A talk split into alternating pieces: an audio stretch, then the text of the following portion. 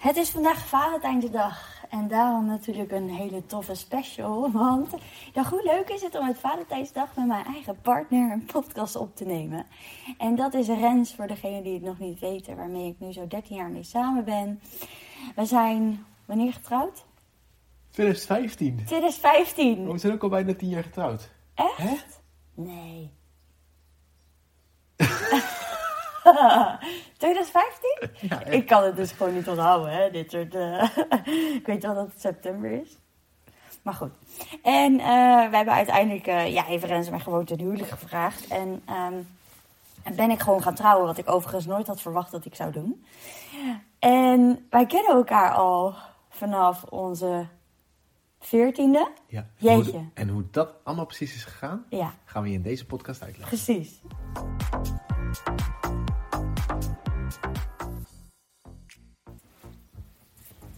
Nou, misschien is het goed om te beginnen bij het begin. Ja, heel goed idee. Ik eh, was een meisje vroeger die eh, vooral heel graag buiten was, op straat. Echt een hangmeisje. En ik vond het altijd heerlijk om op bruggetjes te hangen en eh, bij gebouwen te chillen. Alle en lantaarnpalen alle lantaarnpalen. nee. hangen. Ik moet er aan hangen denken, dat je ergens aan gaat hangen, weet je. Oh, nee. Zendmasten. Nee. Maar en zo ook eh, bij het gebouw, zoals we dat dan noemden, was dan bij een kantoorgebouw. Er was ook een speeltuintje achter, maar nee, we gingen bij het gebouw staan. Waarom weet ik eigenlijk niet. Het was gewoon een chille plek. En er waren ook wel een aantal die daar aan het skateboarden waren. Was volgens mij, had je, daar had je randjes of zo. Ja, er zat een schoolpleintje achter ook, waar we wel eens eh, Ja, voetbalden. d- ja, wel, dat ook. En op een gegeven moment kwam Rens daar ook naartoe. Terwijl Rens niet bij mij in de buurt woonde. Dus het was wel eigenlijk opvallend dat je daar was. Want ja, ik woon in Goverwelle in Gouden. En jij woont in Kort Akker in Gouden. En dat zijn helemaal aan de andere kant. Hoe kwam jij niet terecht bij het gebouw? Ja, met Martijn. Maar hoe kwam Martijn terecht Ja, dat in weet ik niet. Die, die, kende natuurlijk eh, iedereen. De- Martijn was een vriend van mij, die had een, eh, een scooter. En, ehm, en die, ja, die hij was een beetje mijn grote broer in die tijd. En die, eh, en die nam, me, nam me gewoon overal mee naartoe. Kom, we gaan daarin, kom, we gaan daar. En hij kwam dus ook overal, omdat hij dus een scooter had. Dus ja, zijn netwerk was iets groter, denk ik. Ik denk dat dat de reden was. Ja, nou ja, en daar leerde ik Rens kennen.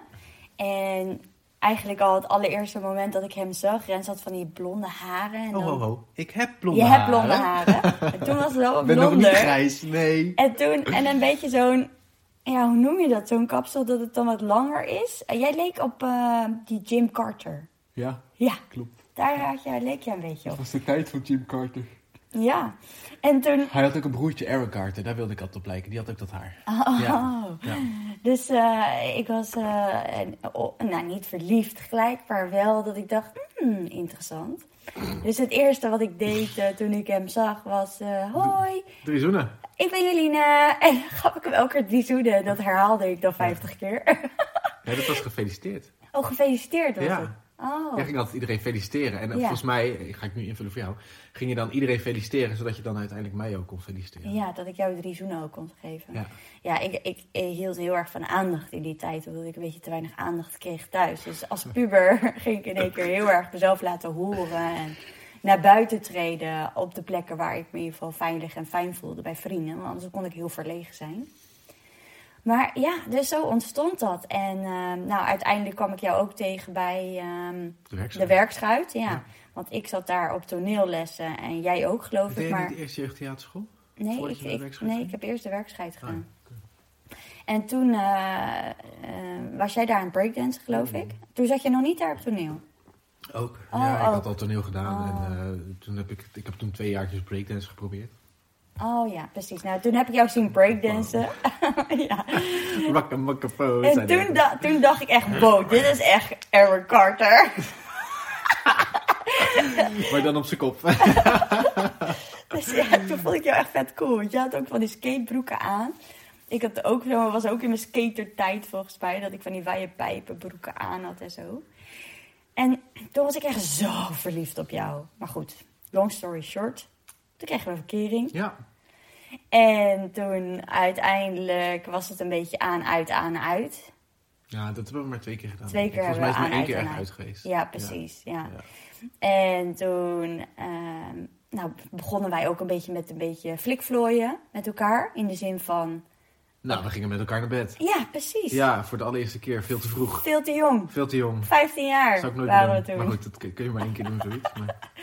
Ja, dus eh, wij zijn onze eerste bedpartners. En de laatste. En de laatste. Nou, dat weet je niet. Nee, Nee, nee dat is niet waar. Dat is flauw. Dus, nou, en uiteindelijk ja, eh, kon Rens zich niet binden. Had Rens bindingsangst. Ja, mega. En ik zat heel erg in de verlatingsangst. Oh, toen. ik was ook wel echt heel hard naar jou. Ja. Ja. Ja, want ik... Ja, je had het... Ik weet niet meer wie het uit had gemaakt. Maar je had geval wel met twee andere meisjes Ja, ik had gekust. met een ander meisje gekust. Ja. Ja, twee, hè? ja twee Ja. zelfs op één avond. Ja, en die meiden die kwamen ook toch toen echt heel gemeen naar me toe. Wij hebben lekker met jouw vriend gekust. Nou, blijkbaar was ik er dus ook echt ingetuind. oh. Was het dus ook... eh, Was ook de bedoeling om mij... de bedoeling eh, om ze waren jou, eh, zo jaloers. Ja. Ja. ja. En het was heel populair in die tijd. Ja, terwijl ik dat nooit zo heb ervaren. Dat is wel grappig. Ja. Ja. En nou ja, toen eh, was ik natuurlijk enorm, enorm gekwetst. En ik heb echt eh, een jaar lang heb ik me echt nog verdrietig gevoeld daarom. Hmm. Ik voelde gewoon dat ik bij jou hoorde te zijn. Hmm. Alleen jij voelde het nog niet. Nee. En nou, toen hebben we uiteindelijk nog wel een keertje afgesproken, hè, toen we 16 waren. Ja, een jaartje later denk ik. We hebben elkaar een jaar niet gezien. En toen ging ik op een gegeven moment ging ik, eh, ging ik me voorbereiden op de landmacht. Ik zat op het oriëntatiejaar van de landmacht. We hadden nog een keertje appcontact. Dit hebben we afgesproken in de stad. En toen, ik weet nog wel dat ik toen voor de allereerste keer mijn haar kort had gedaan. Oh ja. Toen waren, dus het was dus einde Aaron Carter haren. En je had een beugel. Ik had een beugel, mijn haren waren gemillimeterd en ik reed op een oranje brommer. Oranje? Dat was niet echt een goede combinatie. Oh, een gele, sorry. Dat was niet echt een goede combinatie, denk ik, voor jou. Nee, toen dacht ik, Mm, Ja. eh, eerlijk gezegd dacht ik een beetje toen de tijd als puber nog echt kwam de uitspraak, nee, nee hij is een beetje een kneusje geworden. Oh, wat erg. dat zei ik net tegen mijn vriendinnen. Nou ja, dat heb je dat soort uitspraken als je puber bent. Maar goed. Dus nee, ik was echt zo afgeknapt, afgeknapt op jou. Ik dacht, nee, dit eh, gaan we niet meer doen.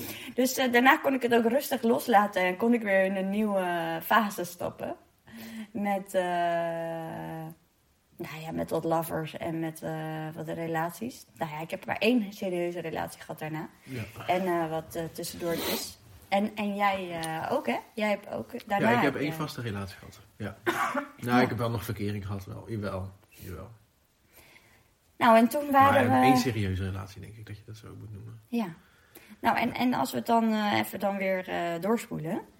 Dan was ongeveer... Nou, eigenlijk elk jaar op, Ja. met onze verjaardag. Rens is 7 april jagen, ik 9 april. En daarin alleen dit verhaal is al interessant. Want we staan ook vlak onder elkaar in het geboorteregister achter. Ja, in de, krant, in de krant was er vroeger altijd een stukje welke kinderen er waren geboren. En daar staan wij twee regels onder elkaar ook, ja. Ja. Ja. En ehm, achteraf gezien kwamen we er ook achter dat onze opa's en oma's... Ja, onze oma's. Die Onze woonden oma's? naast elkaar. Oh ja, ik heb geen opa. Ik heb, mijn kleuterjuf was jouw tante. Oh ja, mijn kleuterjuf was... Dat is waar. Dus mijn nichtje zat bij jou in de klas. Wie, Marije? Nee. Oh nee, Mandy. Ja, Ja, oh, ja wacht die even. ja, die zat, Mandy klas. zat bij mij in de klas, inderdaad, ja. En juf Edith is jouw tante. Ja, en juf Edith is mijn Die had tante. ik dan weer in groep 2 volgens mij. Precies. Ja. En er was nog meer. Rens had gebreide sokken Van liggen van mijn oma in zijn nog- la. Liggen er nog steeds. Ja, heeft hij nog steeds. Hoe bijzonder Maar die is heb ik dus gekregen ver voordat ik jou kende. Ik Ja. echt... En daar kwamen we dus achter toen we elkaar opnieuw ontmoetten. Op ons 23ste. Ja. Zoiets. Ja. En Ja, want even terug naar dat 7 en 9 april verhaal. Jij deed altijd heel, heel trouw, stuurde jij bij lessen, of niet, ook niet ieder jaar, heb ik een paar jaar niet gedaan. Zei je dan op 7, 7 april, zei je dan, hey, gefeliciteerd. En dan stuurde ik op 12 april, hey, jij ook, sorry, iets te laat. ja, wat ik in 9 april, ja. ja. en, eh, en, en, en toen we allebei 23 waren, was dat voor het eerst eh, dat ik weer vrijgezel was ook. Maar ik was ook echt net vrijgezel. Drie weken nog maar. Ja, Ja, na 4,5 jaar. en toen stuurde ik jou dus ook weer dat bericht, of ja. niet? Ja, nee, volgens mij Ja. was het, het begon, want ik heb dat nog eh, op Facebook. Ehm, eh, die, die geschiedenis die heb ik nog bewaard. Dat is inderdaad gefeliciteerd. Ja. En ik op, volgens mij ook echt op 12 april weer van... hé, hey, ja, sorry, ik ben druk. Maar ik was niet druk, ik was gewoon heel verdrietig, want ik was net gedumpt. Dat is ook wel interessant eigenlijk, nu ik er zo over denk. Omdat wij toen wij elkaar net ontmoetten, ik deed zei gefeliciteerd. En dat we dat gefeliciteerd er eigenlijk inhielden. En dus ook nog eens twee dagen na elkaar eh, jarig eh, zijn. Ja, dus nou ja, allemaal eh, geen toeval in onze ogen. En we kwamen er dus toen achter al die dingetjes, is dat het leven ons al zoveel vaker bij elkaar heeft Ja. gebracht. Ja. En ja, dat het dan nu weer, wij op een bepaalde manier weer die klik voelden. Want we gingen toen heel veel eerst op Facebook berichten. ondanks dat jij liefdesverdriet had. En toen gingen we heel veel whatsappen. En Ja. ik zat eigenlijk toen ook in een, nou niet een relatie, maar in zo'n voorstadium van een In relatie. een potentiële relatie. Potentiële, precies. En ja, het was helemaal niet mijn intentie om iemand anders te ontmoeten. En toen eh, ja, gingen wij in één keer weer Ja. kletsen. Ja. En ik wist natuurlijk ook jouw status. Is dat jij net gedumpt was. dus, dat was Zo, dat was interessant. Dat was makkelijk. dus het was voor mij ook niet echt een hele positieve start. Want Nee. ik wilde Er niet... was geen potentie. Nee, Nee, want ik wilde niet, niet nee. ook ja, een soort van tweede keus zijn. En ik had al iemand eigenlijk. En, maar toch voelde ik zoveel aantrekkingskracht bij jou. Ja, bizar. Ik voelde zo dat ik bij jou moest zijn. Mm. En zelfs zo is dat ik op een gegeven moment met jou ben gaan afspreken, omdat ik het voor mezelf uit wilde zoeken. Van ja, wat wil ik nou? Wil ik nou met die andere jongen of wil ik nou iets met jou? Maar met jou was ik eerst alleen aan het berichten. Nou, toen gingen we toch al wel afspreken. Dat ging ook wel grappig, hè? Toen kwam ik aan in mijn cabriootje. Ja, dat weet ik nog heel goed. Ik woonde op de vierde verdieping in Overvecht. We- Dat heb je gedeeld in die riool, hè? In Utrecht. Ja.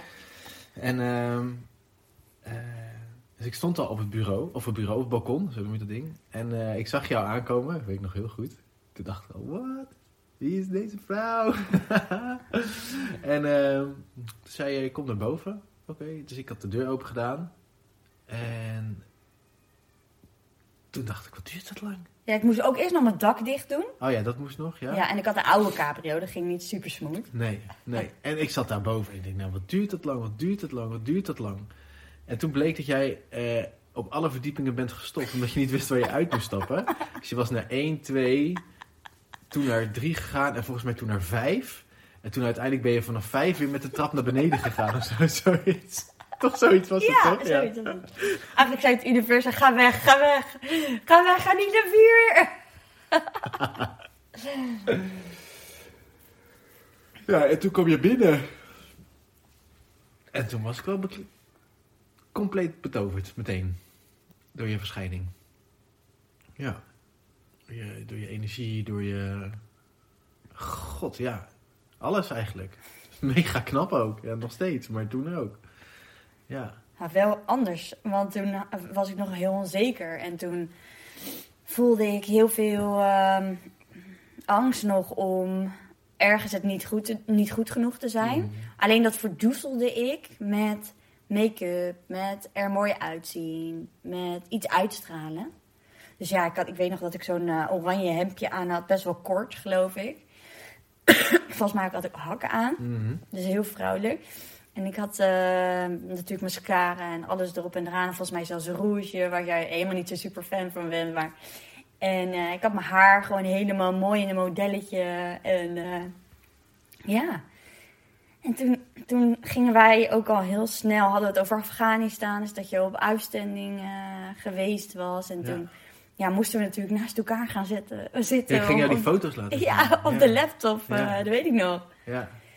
En dat ik ook echt voelde van wow, hier is gewoon iets wat de het ons naar elkaar Dit is toe trekt. Alsof een soort magneet. Wat heet het ook? Alleen wij de- hebben toen niks gedaan. Nee, nee, die eerste hebben date. niks was heel, niks, ik wilde het bewust ook niet helemaal niks doen die eerste date. Omdat dat voor mij de uitzoekdate was. Nou ja, het was ook niet eens echt een date, toch? Het was, het was ook gewoon echt elkaar weer even zien, omdat we elkaar al heel lang niet hadden gezien. Ja. En omdat we een leuke klik hadden op de app. Het was Ja. helemaal niet... Nee, het voelde voor mij wel een beetje Ja, oké, ook wel. Ja, Ja. helemaal toen je binnenkwam, toen dacht ik meteen... Ja, ik zeg wel eens tegen mensen, als je daar op die dag, op dat moment dat jij naast mij op de bank had gegeten, de licht uit had gedaan, dan had je het alleen maar zien knetteren. Ja. Ja, dat was echt een hele hoge ja, fre- frequentie, zou ik bijna willen zeggen. Er was echt enorm veel aantrekkingskracht en er sloegen enorm veel vonken over. ja. Ja. En daarna eh, belde ik gelijk met een vriendinnetje, zoals dat toen vroeger ging. En eh, ja, eh, vind hem echt zo leuk. En eh, nou wil ik vaker afspreken, maar wat moet ik nou? En toen kwam ik in zo'n dilemma, omdat ik natuurlijk al een soort van aankomend, aankomende liefde had of zo. Maar ja, blijkbaar was die niet leuk genoeg. Want hè, anders dan had ik jou niet leuker gevonden. Achteraf gezien zie ik ook wel eh, waar, waarin dat, eh, waarin, waarom ik hem leuk vond. Ik vond hem vooral leuk voor zijn vriendengroep. Ja. En voor ehm, ja, zijn uitstraling en wat hij had bereikt in zijn leven. Dan dat ik echt voor hem ging Ja. qua... En, en ik had helemaal niks bereikt in mijn leven. Dus dat Nee. was, eh, nou, dat is niet waar. Maar jij, Ik was heel steady. Ik was heel steady. Ik had een eigen flatje, ik had een vaste baan, ik Ja. had een auto, ik had alles. je was wel heel steady, ja. Ja. En hij kwam gewoon heel erg uit een rijke familie. En daar had ik vroeger echt wel een beetje een zwak voor. En ik ging altijd een beetje hupsen van, eh, van mensen zoals jij. En, en naar mensen die het helemaal voor elkaar hadden. Qua financiële... Ik eh, voel me zo nederig. jij kwam niet uit een rijk gezin of zo, of whatever. ik heb je wel die naam gegeven. Ja, ik heb wel die naam gekregen. Ja, dat is dan ook wel weer grappig. Maar ja, daar had ik ook gewoon in te leren. Is dat het helemaal niet belangrijk is natuurlijk. Dus Ik kan me ook herinneren dat je heel vaak, dat je vertelde dat je ook heel vaak, als je dan met die andere jongen was, dat je dan ook altijd aan het drinken was. ja, dat klopt ja. Ja, dat klopt. Dus dat zei ook al genoeg. Maar ja, ik kon toen nog helemaal niet voelen eh, wie ik was. Ik leefde heel erg in mijn hoofd. Heel erg vanuit mijn overlevingsmechanismes. Ja, Heel erg vanuit mijn beschermingsmechanismes. Dus ik was altijd Ja. heel erg aan het feesten. En afleiding aan het zoeken van wat ik eigenlijk daadwerkelijk voelde. Ik kon Ja. niet voelen. Op dat moment nog. Althans, ik kon wel voelen. Want in onze relatie kon ik in één keer best wel eh, voelen. Ook weer. Kon echt wel weer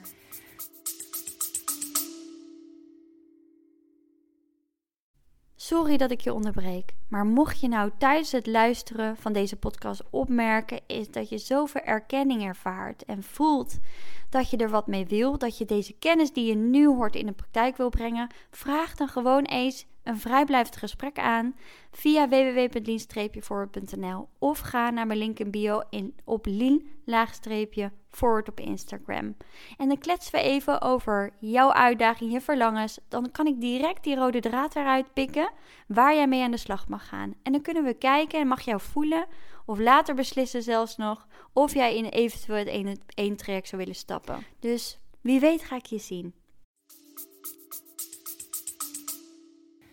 Maar we kregen heel veel dynamiek, hè? dus het Ja. werd denk ik heel duidelijk ook wat er gevoeld moest worden.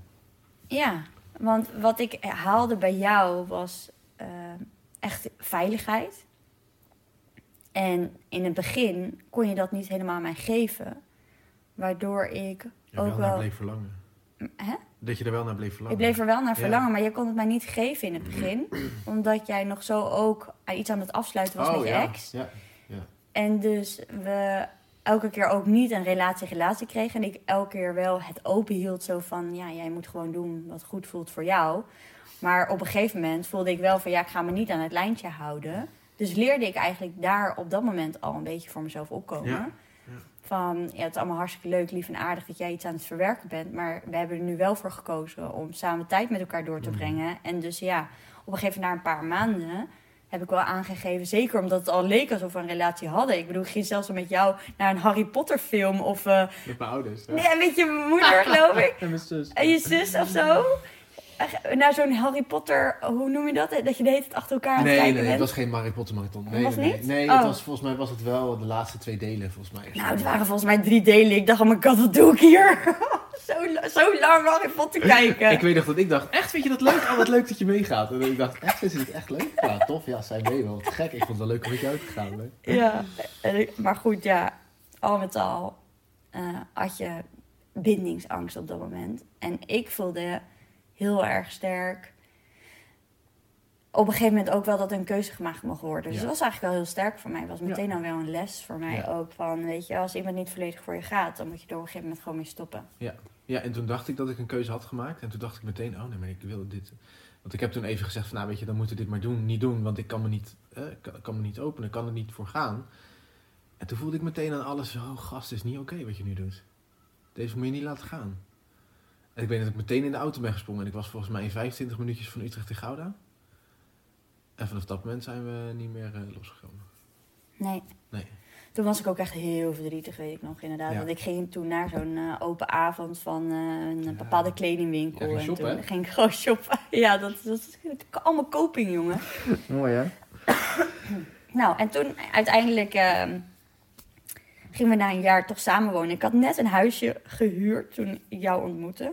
Dus ik heb een jaartje Ja. op mezelf gewoond. Ja, ik moest intern op de kazerne in, eh, in Limburg. Oh ja, En ehm, ik ging daar een, eh, een, eh, een opleiding tot onderofficier volgen. En daar moet je dan binnenslapen, in ieder geval het eerste, de eerste, eerste helft. Maar het was twee uur rijden, dus ik ben er altijd ben ik daar geweest door de week. En dat resulteerde erin dat wij elkaar alleen in het weekend zagen. En daar werd ik echt helemaal misselijk van. Dat vond ik veel te weinig.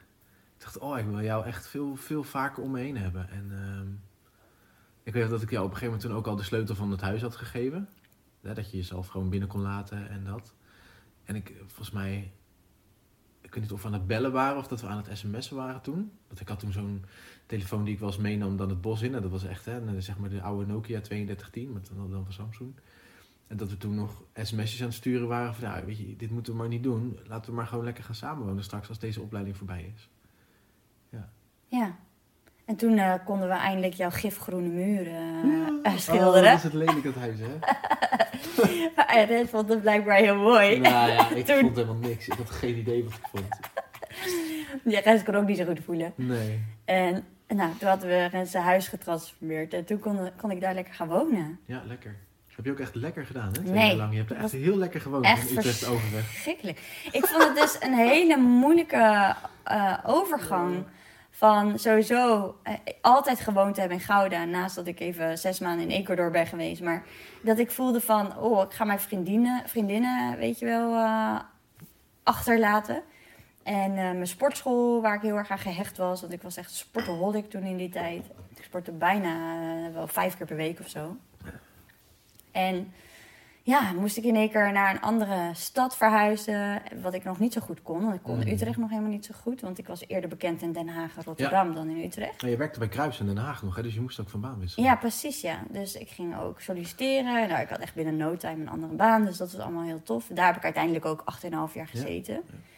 Dus daar heb ik het ook wel echt enorm naar mijn zin gehad. Het was ook echt de bedoeling om daar naartoe te gaan. Dat voelde ik ook wel. Achteraf. nee, dat al uiteindelijk na een paar jaar daar zitten, snapte ik heel erg waarom ik daar moest zijn. Ook bij dat bedrijf. En ja, moest heel die stad leren kennen. En dat was ook nog echt zo'n ding, hè? Dan, dat ik dan ergens was en dat ik dan verdwaald was en dat ik jou dan moest bellen met help.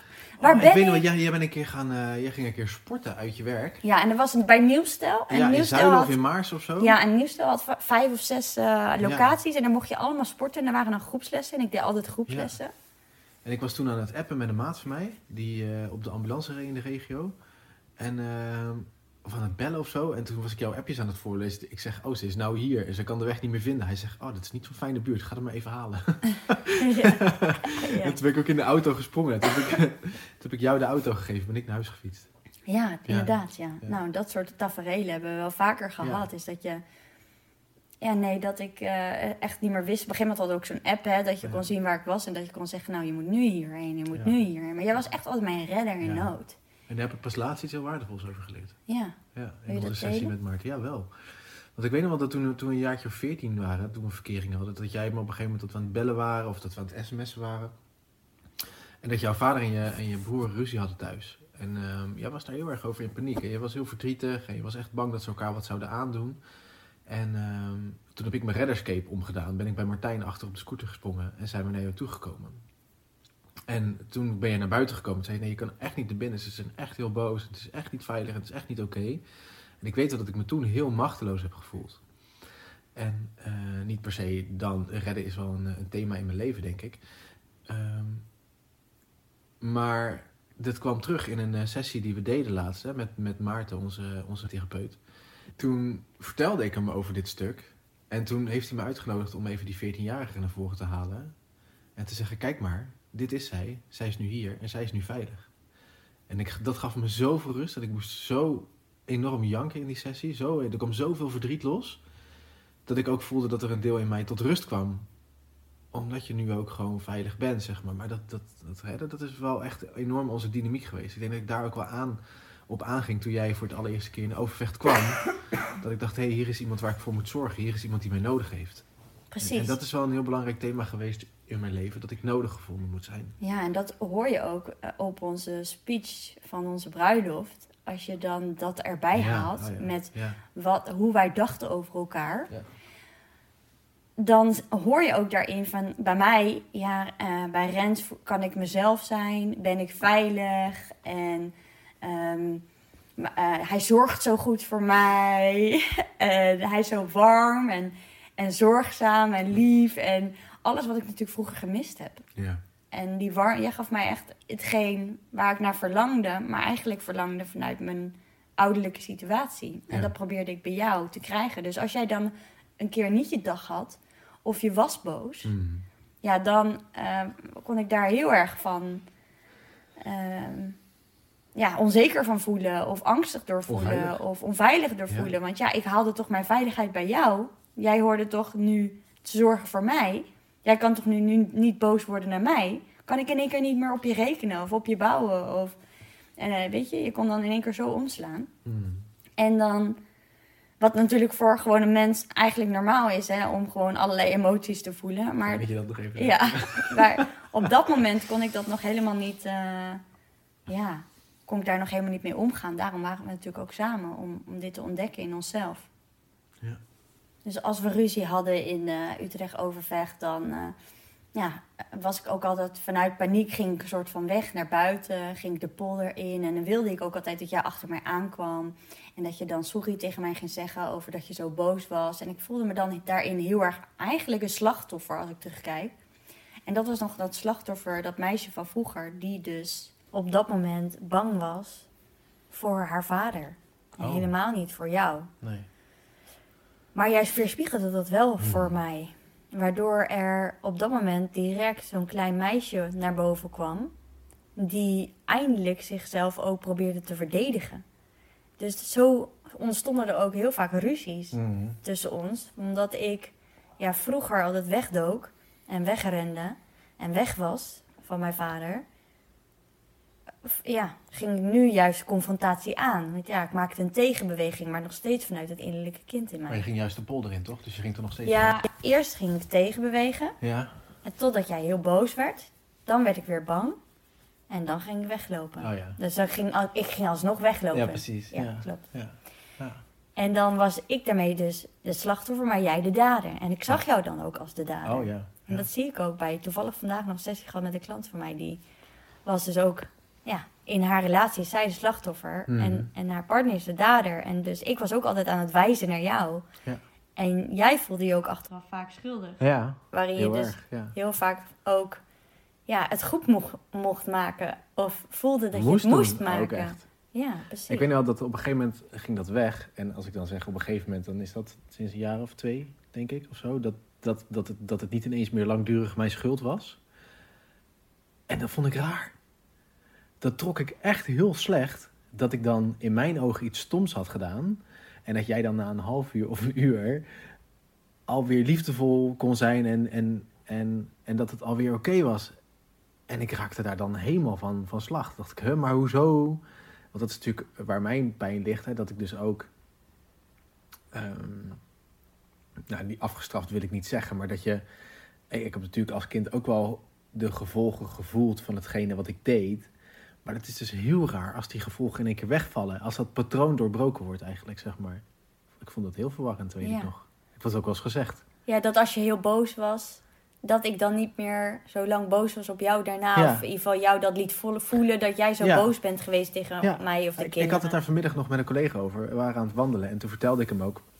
We hadden het even over, over hoe, het, hoe, hoe het ging tussen ons. En, eh, en toen had ik het over alle mooie dingen die zijn veranderd. En, en een van die mooie dingen is dus dat we dus van vier dagen ruzie naar nou, max een half uurtje of een uurtje zijn. Weet je, dat we al heel snel weer kunnen terugkomen bij elkaar en elkaar weer kunnen vinden. En dat ik dat zo mooi vind.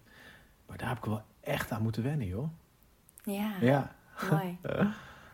Ja, voor mij natuurlijk ook. Is dat ik, ik, ik wilde altijd heel erg daarin ja, iemand de schuld moeten geven. Om ook maar niet te hoeven voelen wat eigenlijk daadwerkelijk bij mij te voelen is. Ja. En ik heb natuurlijk ook overtuiging gehad in die periode over een stukje, ja, alsof ik geen respect verdiende en zo. En Oh ja. dus dat, ik trok dat ook heel erg aan bij jou. Ja. En dus waardoor jij daardoor ook op een soms disrespectvolle manier tussen aanhalingstekens die 5% met mij omging, zou ik maar zeggen. Wat weer spiegeld werd voor mij in die 5%. Waarin je ook achteraf wel zegt van ja, dat had ik ook wel anders kunnen doen.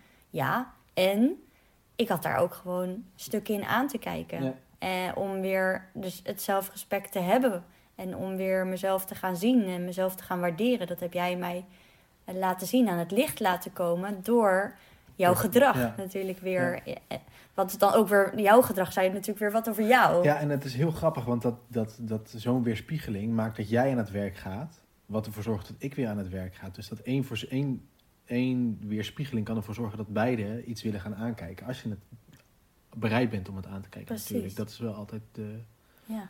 de keerzijde. Klopt. En ik, wat ik wel zie ook bij klanten bijvoorbeeld die, waarvan niet de partner nu nog bereid is om, Ja. die eh, merken wel dat de energie heel erg verandert rondom de ander. En dus kunnen in één keer zien, is dat wanneer jij bijvoorbeeld niet meer uitvalt of uit zou vallen, dan zal ik me realiseren dat ik nog steeds hetzelfde voel, Ja. zonder dat jij uitvalt. En Ja. dus bij die persoon verandert er dan van binnen niks, Nou, maar van en- buiten wel. Ja, en soms verandert er dus juist iets. Want dat hebben wij ook wel gemerkt. Dat kun je denk ik wel beademen. Dat, beademen? Baden. Zit lekker in de ademflow. beamen. Dat is ademcoach. Adem in.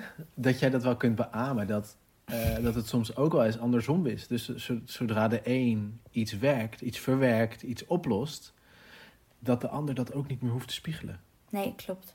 En dat, dat je dus eigenlijk de ander ook ontslaat van een bepaald gedrag. Omdat je je les hebt geleerd. En dat vind ik altijd zo mooi in het werk wat jij doet.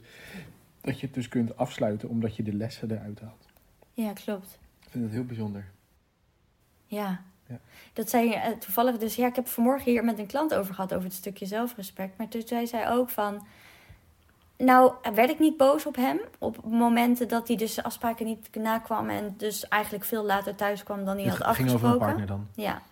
En haar partner die komt dan wel eens te laat en die komt dan zijn afspraken niet helemaal na. En of hij is er niet helemaal voor het gezin. En daar baalt ze van, heeft ze al vaker overlegd. Maar hij weet dat zij, hoe zij erover denkt. Maar toch komt hij dan weer te laat of eh, drinkt hij na zijn werk weer een biertje. Oh ja. En dus zij voelt zich heel erg daarin in de steek gelaten. Ja. En zij heeft dus nu geleerd ja. om niet direct op zo'n moment vanuit emotie te reageren. En dus nu reageert ze niet meer direct vanuit emotie. Maar hij blijft wel hetzelfde terugreageren. Wel weer op een andere manier. Want hij gelooft nog steeds hetzelfde. Ja. Dus het maakt niet uit hoe zij dus hierin reageert. Dat hij zo reageert naar haar, zo nonchalant en zo van... oh, dan begint ze weer te zeuren of hè, er is weer wat. Weet je wel, dat, dat zit dus niet in haar. Had ook een andere vrouw kunnen zijn. Ja. Dit is, ja. zijn, dit is iets wat hij gelooft, wat Ja. in hem Ja, en het is, dus, het is dus ook iets geweest wat zij heeft geloofd. Klopt, Ja. ja, klopt. En, En daar ik- is ze mee bezig. Ja, ja, en ik geloof ook al dat, en dat probeerde ik net dus ook te zeggen, dat ik dus ook geloof dat op het moment dat jij dat stuk kunt doorbreken en dus kunt zeggen van oké, eh, ik heb het dus niet meer nodig dat iemand, ik weet even niet hoe, hoe ik dit moet samenvatten, misschien dat hij over haar heen loopt of haar grens niet accepteert of, of afspraken niet nakomt. Dus als je ook niet meer gelooft dat je dat waard bent, Mhm. dat iemand niet naar je luistert en je niet respecteert, zodra je stopt met dat te geloven, Ja. gaat vaak het gedrag aan de andere kant ook veranderen. En ik heb dus ook wel geleerd Daar hebben we van, vandaag een sessie over ja, dat dacht ik al. Ja. Mooi. En ik heb dus ook geleerd dat dat soms veel langer kan duren dan, dan, die, dan, je, dan je hoopt of denkt in eerste instantie. Ik heb ook echt weer dat er nu in de afgelopen twee weken kwartjes vallen... waar ik, waar ik dan gewoon al twee jaar mee bezig ben... en waarvan ik, waarvan ik dan nu rust begin te voelen. Dan denk ik, oh ja, maar dat is echt die integratietijd... die je ook gewoon nodig hebt om, om vertrouwen te krijgen... dat patronen weer kunnen veranderen, zeg maar. Ja. Ja. en bij de een is dat inderdaad wat langer. Ja. Ik, ik leg ook altijd de vier leerfases uit bij mensen. Dat is de onbewust onbekwaam. Mhm. Dan heb je de bewust onbekwaam. Dan heb je de bekwaam bewust, bewust bekwaam. En dan de onbewust bekwaam. Ja, en dat zijn de vier leerfases waar je doorheen gaat. En dus bij jou begin je dus nu in die, hè, waarin je eerst zat wat langer in die onbewust onbekwaam. Ben je nu bewust bekwaam. En straks gaat het allemaal vanzelf. Ja. En Mooi, dus ja. iedereen die gaat anders die leerfases door, wa- waarin ik, ik heel makkelijk bepaalde leerfases kan overslaan. En of misschien weer langer blijf hangen in bewust bekwaam. En dan heet het mezelf blijf confronteren dat ik het nog steeds niet onbewust kwam. Ja. Weet je want daar zit Ja, ja, ik vaak wat langer in. Kan jij misschien weer heel makkelijk en snel naar onbewust bekwaam, snap je? En dus, Ja, bij mij moet ergens nog eh, een stapje tussen. En die heet weerstand loslaten. ja. En controle loslaten. Maar daar, goed, daar heb ik ook gewoon veel voor nodig gehad. Ik heb gewoon heel lang gedacht dat de dynamiek waar wij in zaten, daar mij heel erg diende. ja. dat het me heel erg heeft gediend om mezelf te kwellen met allerlei gedachten over dat ik het niet waard ben. Of, of nou, vooral dat in twintig verschillende soorten Ja, vormen. als je niet goed genoeg Dat bent, waar je liefde niet waard ben. dat ik eh, niet goed doe. Ja, Ja. Ja. Ja, en ik heb me natuurlijk ook wel weer spiegeld gekregen continu, hè? ook voor mezelf. Alleen, ehm, ja, ik, ik heb, voel wat minder weerstand. Ik kan wat makkelijker ja zeggen tegen al mijn gevoelens en zo. Dat maakt natuurlijk dat ik mensen hiermee help. ja, Omdat ik heel makkelijk door die golf van emoties heen ga. En al heel snel door die overtuiging ben gegaan over voelen. Ja. En, en ja, zodat- zolang je nog overtuiging hebt over voelen, kom je heel moeilijk door je gevoelens heen. Waarin je dus heel makkelijk in de weerstand blijft. En dus controle wil blijven houden. En daardoor niet makkelijk door je stukken heen kan gaan. Ja. Dus daarom, ja, het is echt precies de stukken waar ik mensen mee help. Is Ja. uit dat hoofd, weet je wel. En gaan landen in dat gevoel. En dat is, was ook natuurlijk bij ons. Is, wij leerden elkaar kennen. En eh, ik was eh, office manager of reïntegratieconsulent, denk ik toen nog. Jij was toen eh, militair verpleegkundige. Moet je bekijken wat voor bizarre verandering dit heeft gebracht in ons leven. We waren echt wel gewoon, ja, een zo'n verliefd stelletje... wat dan, net als de rest van de wereld... eigenlijk leegte probeert op te vullen bij elkaar. Zo zie ik het ook wel een beetje. En eh, waarin we heel veel veiligheid en liefde en warmte vonden. Maar ook wel echt natuurlijk er heel veel liefde is. Mm. En, en ook was, maar is. Maar alleen nu is die veel, gaat hij veel dieper dan dat hij toen ging. En En Maar- ook nog steeds, hè? nog steeds, ja. Ik bedoel ook gewoon, ik, ik merk op heel veel momenten dat ik nog iets probeer op te vullen voor, bij je. ja. En eh, ja, goed, dat heeft ook mijn aandacht. En dat is ook eh, een verlangen voor mij om dat los te kunnen laten. Dus dat is er ook nog steeds. Het is natuurlijk niet zo dat het 100% weg is. Nee. Opeens. Ik merk wel dat het, dat het... Nou, ik denk dat daar vooral het... eh, hoe noem je het net? Het, eh, het bewust onbekwaam nu in zit. Dat ik denk, ja, dit is inderdaad wat ik ervaar nu. En ik mag die volgende stap gaan maken. ja. Maar goed, het is misschien 30% van wat het was. Dus dat is wel heel fijn. Doe ik dat eigenlijk ook nog? Wat? Iets opgevuld willen krijgen door jou? Nou, dat is een vraag die ik kan stellen vanuit waar ik sta. Daar, waar, daar kan ik antwoord geven van hoe ik naar jou kijk. Maar dat zegt niks over of jij dat doet. Dus of jij Nee. dat doet, die vraag kun je zelf stellen. Ja. Vul je nog iets op met mij? Ja, dat voel ik dus helemaal niet. Nee. Nee. Dus ik vraag me af of jij iets ziet. Misschien zie jij wel iets wat ik niet zie. Ehm, nou, ik voel vooral jouw eh, bescherming in je afstand soms. Ja, precies. Daar maar, zit het in bij jou. ja, in. maar er is geen opvulling. Ik probeer niet iets te krijgen bij jou. Ik hou eerder afstand van jou. Om Ja. niet geconfronteerd te worden met... ehm met nou, in ieder geval niet mijn hart helemaal te hoeven openen. Ja. Dat is het dan meer. ja, dus het is ook veranderd hè, voor jou. Dus waar je, waar je vroeger heel erg hing aan mij om dingen op te lossen. Want ik was echt een, eh, een ridder in huis. Ja, Ik moest altijd alles... je was eh, echt een ridder was huis. echt, ik, ik voelde me ook echt een redder. En dat vertelde ik net Een ook hè, ridder over... of een redder? Nou, redder, ridder, redder. ja, Maar dat vertelde ik ook net, dat ik dat, dat ik dat zo confronterend vond in die sessie met Maarten. Dat ik dat dus heel, heel verhelderend vond om te voelen dat ik jou dus niet meer hoef te redden. Maar ik deed wel echt alles. En, en ik denk dat daar de shift voor jou in is geweest. Dat je dus inderdaad van mij verlangde dat ik dat allemaal opvulde voor jou. Dat ik je aandacht gaf, dat ik je liefde gaf, dat ik je humor gaf, veiligheid gaf. En, en dat je nu heel erg aan het leren en aan het voelen bent hoe je dat voor jezelf kunt doen. En daardoor, daarin soms je hart sluit, ja. misschien. En nu is het zo dat ik dat zelf in mezelf ontwikkeld heb. En dat was voor jou ook wel lastig. Is dat ik dus jou daarin niet meer nodig had. Ja, en dat was dus zo'n moment waarop de een verandert. Ja, En waarop de ander denkt, oké, en ik dan nu? ja precies. En, en Want dat is een stukje ja, identiteit ja, en ja, relatie precies. Dat, en dat is precies, kijk, want, want dat is precies wat jij beschreef over jouw cliënt. Dat, dat, haar, dat zij iets verandert, maar dat haar vent dat nog niet doet. Wij, hebben, wij zijn het proces samen aangegaan. Ja, En iedere keer als jij ergens doorheen gaat, dan voel ik een kans om ergens doorheen te gaan en andersom. En dat kun je niet doen. Je kan dat ook laten gaan. En je kan ook zeggen, wow, deze chick verandert. Maar hier ben ik niet voor, hier heb ik niet voor gekozen. Ik ga weg. Want dan verandert er niks. mhm. Maar je verandert niks in de dynamiek in jezelf. nee. En, en het is zo, je kan weggaan, Ja. maar in de volgende relatie loop je weer tegen precies dezelfde Ja. punten aan. Net weer op een andere manier. Omdat je dus niet de kans hebt aangepakt om die patronen te veranderen. Precies, Je hebt niet die overtuigingen geshift. precies. Dus je zal precies dezelfde partner aantrekken. Ja, klopt. En dat is ook wel grappig, want wij, wij lijkt net alsof wij heel ons leven misschien al nou, vanaf heel snel al hulp hebben gezocht. Maar dat hebben wij natuurlijk ook niet gedaan. Nee, dat is denk ik eh, precies drie jaar. Nee, ja, het begon met eh, de bevalling. Ja, van precies. Ja. Want toen wij gingen samenwonen, nou op een gegeven moment ging je, had je mij ten huwelijk gevraagd op een hele klassie eh, manier. Want, eh, dus misschien wel even leuk om, het, te- vertellen. Even, Ren zat in een theatergroep. En nou, jij kan dat veel beter vertellen, dat verhaal. Eh, Oké, ehm, Goudse Schouwburg, volle zaal. Ik deed mee aan de theatervoorstelling. En ik moest aan het einde geld inzamelen, want het was een vrijwilligersgroep. Eh, dus eh, ik denk dat er 400, 500 man in de zaal zaten. Beneden was vol. Eh, maar ik had eigenlijk alles in scène gezet. En een compilatie gemaakt met foto's van ons. spotjes die op jou gericht werden, op geleide van de muziek. Je familie zat boven op het eerste balkon, terwijl jij dacht dat ze niet zouden komen.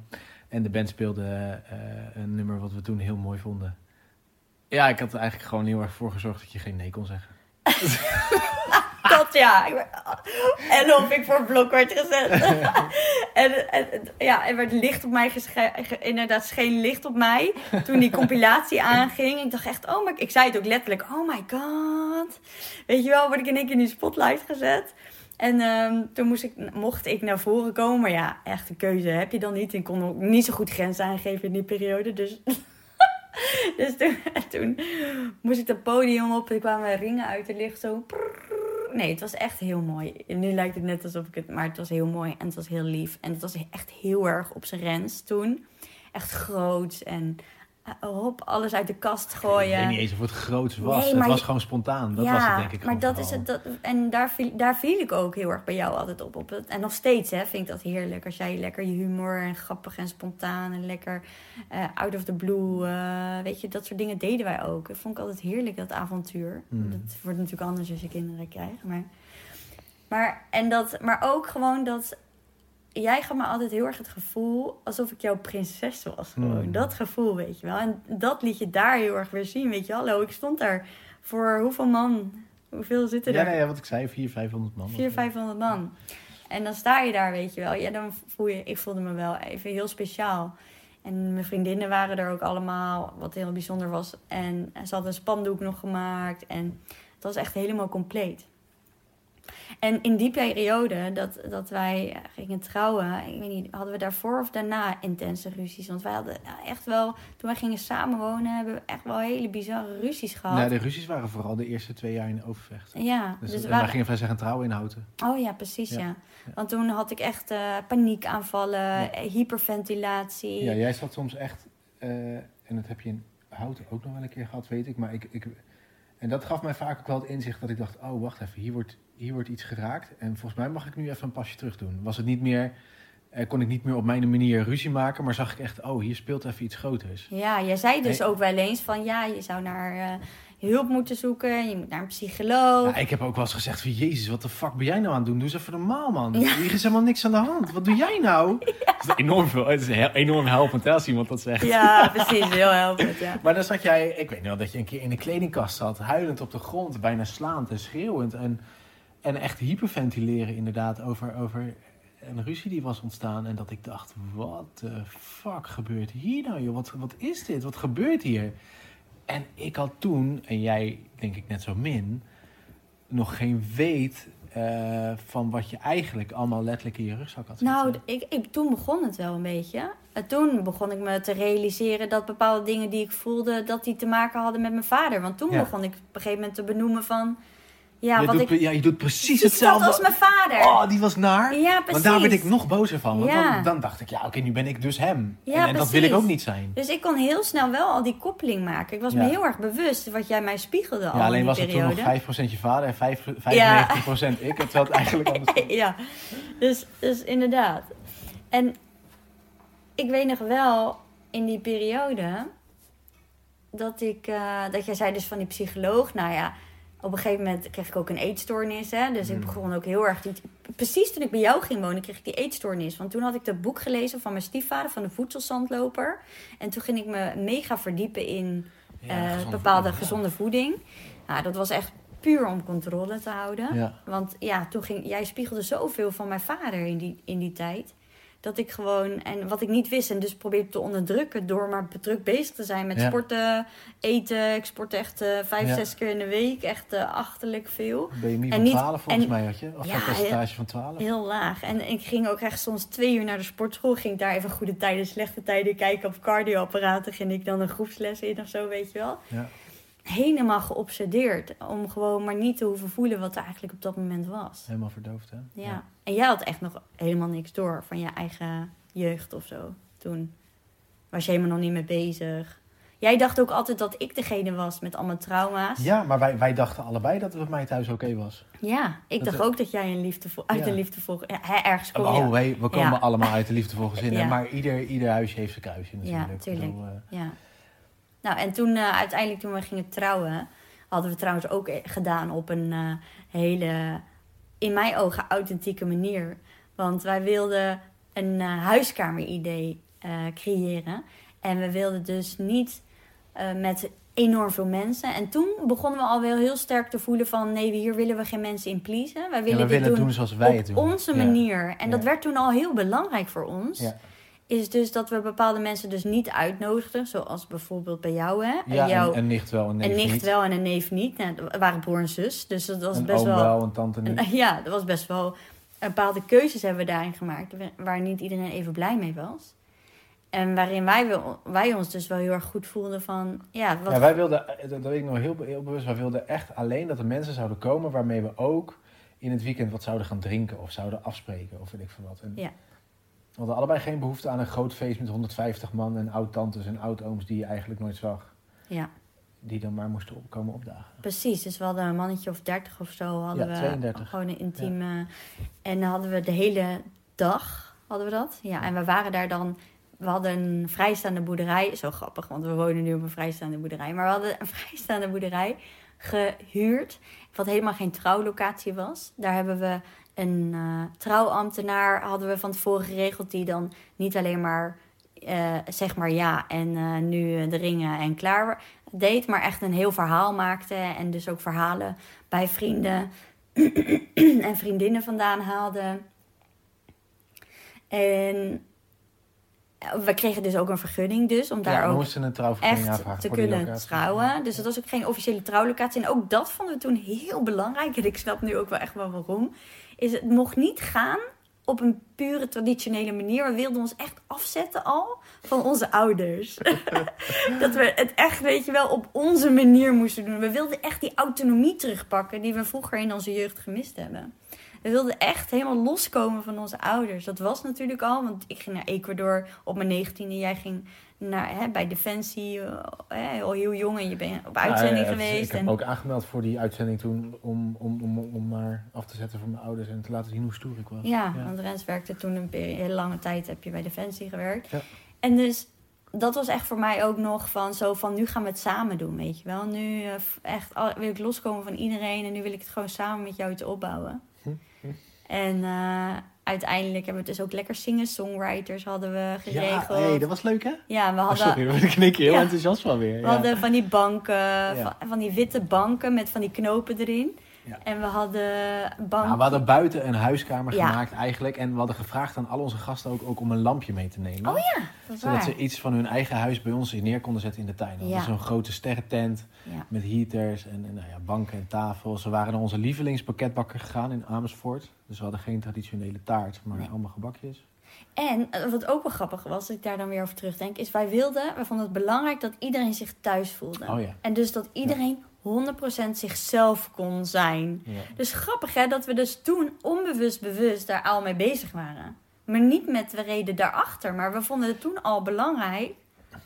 Is dus dat mensen zich gewoon comfortabel voelden. Want dan is het ook het comfortabelste feest, weet je wel. Als, Ja. als iedereen daar ongemakkelijk zit te wezen, is voor, voor iedereen... Wij voelen dat. Wij, wij zijn echt gevoelsmensen, dat zijn we altijd al geweest. Althans, iedereen is dat, hè. hè? Maar wij staan wel dicht bij ons gevoel. En dus, ja, Nu. nu, ja, precies. maar toen ook al wel, want ja, we wilden dat het comfortabel zou zijn. En dus zag het ook wat over ons, waarom we het oncomfortabel zouden vinden als er ongemak zou zijn. Ik bedoel, het zou eigenlijk ook niet hè, belangrijk moeten zijn voor ons. zou betekenen dat we voor iedereen aan het zorgen zijn. Waren we ook. Hmm. Maar ja, dus dat was wel een heel mooi feest. En vanuit daar, ja, we woonden toen inderdaad in Houten, van Utrecht naar Houten gegaan. En toen, eh, werden we toen al eh, zwanger?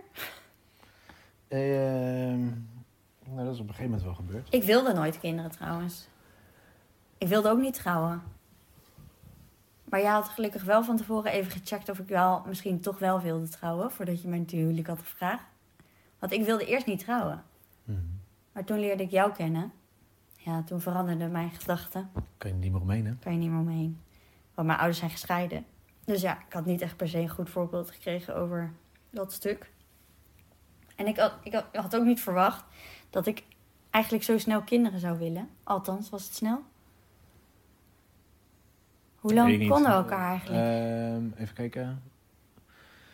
Jent is van 2017, toch? Wij waren 28. En toen waren we zes jaar samen. Was, het, was ik 27 toen ik zwanger werd dan? Ja. Ja. Ja, en toen veranderde natuurlijk heel ons leven. In die zin, ja, dan krijg je in één keer zo'n kind. een hele lieve schat. En echt een, was echt zo'n voorbeeldkind wat dat betreft. Die echt, echt heel erg wat dat betreft ook op mij... Iets echt mij spiegelde vroeger. Had ik niet door toen de tijd, toen hij net geboren was. Maar hij spiegelde heel veel van, voor mij toen eigenlijk al. En ja, die eerste periode met Jens, ja, waren gewoon met z'n drietjes. Dat was eigenlijk nog allemaal best wel relaxed. Ja. Want ja, je kon gewoon tussen de slaapjes door, kon je ook nog, je had je eigen tijd. Je kon gewoon nog meeslapen. Ik vond het echt wel gewoon een chille periode. Ik zat toen heel lekker in mijn vel. Ik, we waren echt een happy family. We waren gewoon heel blij en heel echt met elkaar. En we gunden elkaar eh, ook in die periode gewoon onze eigen tijd. En ging allemaal heel smooth. En toen hadden we besloten om weer een tweede te willen. En eh, ja, toen begon het een beetje. De onrust. Mhm. En alle drama. En alle moeilijkheden. Grappig hè, hoe, zo'n, hoe iets kan omslaan. En dat heeft niks met iemand natuurlijk te maken. Maar hij is wel... Ik voel wel wat hij kan doen in ons gezin. En Mhm. dat is echt op ons op het rechte pad zetten. Ja. En ik echt bizar veel geleerd Ja. vanaf eh Ibe. Ja. En als we het dan hebben over...